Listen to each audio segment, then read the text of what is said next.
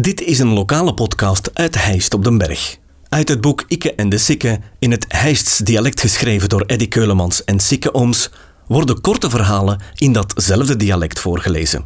Dit vertelselke werd ingesproken door Sikke Ooms. Even over mijn jonge taat. 12, 13 jaar oud, half de jaren 60. Wat moeten dan hennen in een vrije taat? We gingen shotten natuurlijk en een beetje koersrijden, maar we willen toch ook eens ivrans achter de mesjes kunnen lopen. In de cafés mochten we eigenlijk niet binnen.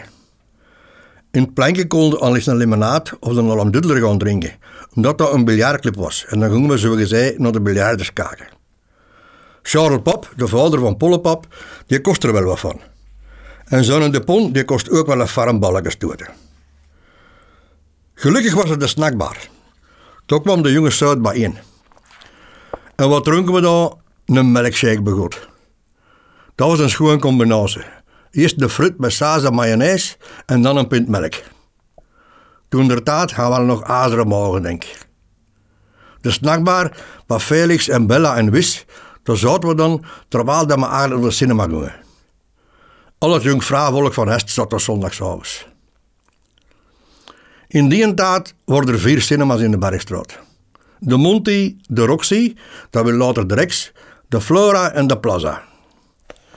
Met 10 frank konden naar de cinema.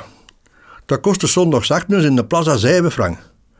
En daarna bij de boer nog een klaar fruttetje met een bekken mayonaise, dat kostte 3 frank, dat kon het dan gaan eten. De Plaza was een cinema voor de jong, die een. Als er zondagsnacht een cowboyfilm gespeeld werd, dan speelde iedereen mee. Dan werd er weg en weer gelopen en geroepen dat een goede gang gaf. Maar dan werden de jaren ouder en begonnen de hormonen gaan op te spelen. En dat was de gewoonte om mij van de eerste in de cinema te raken. Om te proberen om met lief op de achterste rij te kunnen zitten. En dan werd er daar eens een kus gegeven. En dan hadden we natuurlijk ook de kermissen met fluiker naar Bjazel, naar de Nossekop, naar Baldera, naar Buschot, naar de Luwe, Hestase, alleen nog heel de Naveron. Op de kermis mochten ook al eens in een café binnen. En dan werd dan eens een pintje gedronken. En natuurlijk moest er ook gesmoord worden. Wel eens smoorde Royal omdat er zo'n schoon mesken op stond. Die lapen er een boek met één voet omhoog en die had een tagervelgen aan. En die had dan zo'n sigaretje in zo'n pappetje. Geweldig sexy in die taatselen. Toen we met de kermisstaat ontgroeid waren, begonnen we zo'n bekken echt uit te gaan. Met een paar maten, de Mark van Jouwen en Trik, de Frans van den Deur Jacobs en nog een paar klasjoeters trokken we zaterdagavond met de bus naar Balder, naar de tienerclub. En soms durven we al in de rubbers of in de kazer binnengaan. Zondagsavonds weer naar put gereden, naar de toekomst. Daar kwamen in die tijd al fameuze artiesten spelen. Wel, we moesten om 12 uur toe zijn en de laatste bus naar huis was om 11 uur. We ploegden dan te blaven tot het laatste moment, met gevolg dat we verschakeren de voet naar Wassen moeten gaan.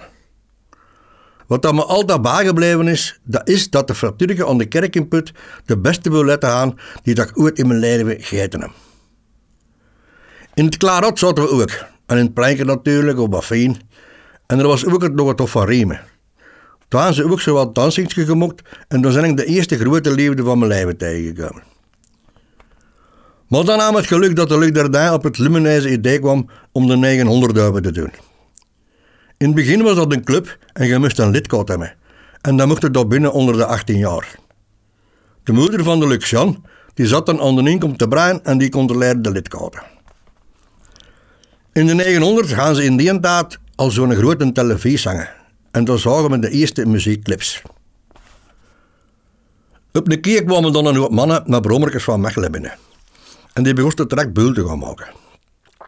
Toen werden we in het rond getukt en die mannen dropen af, maar ze verwittigden ons dat ze de wijk erop zouden terugkomen met een grote hoop om ons op ons gloeien te geven.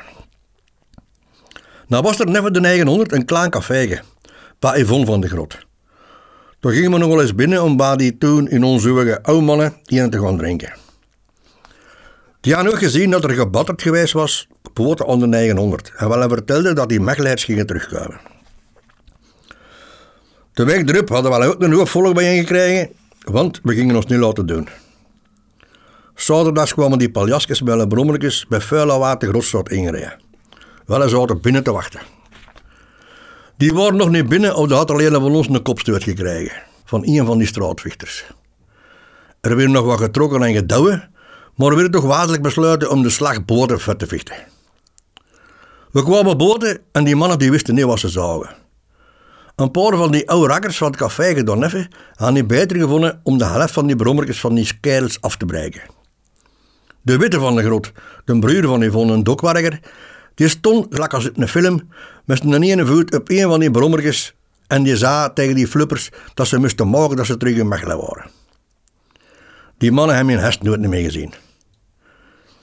Al bij al heb ik een schoenen jongen taart gehad. Dik is mottig geweest van te veel pinkjes en te veel rugaltriegras, maar ze moeten groot worden. Dan was het een trup en dan werd er getrouwd. Maar, to all the girls I loved before, de beste groeten. Deze podcast kwam tot stand dankzij Huisdresselaars en Tropical. Volg de podcast op Facebook. Reageren kan je via de website ditishijst.be slash ikke en de of ikkeendesikke.be.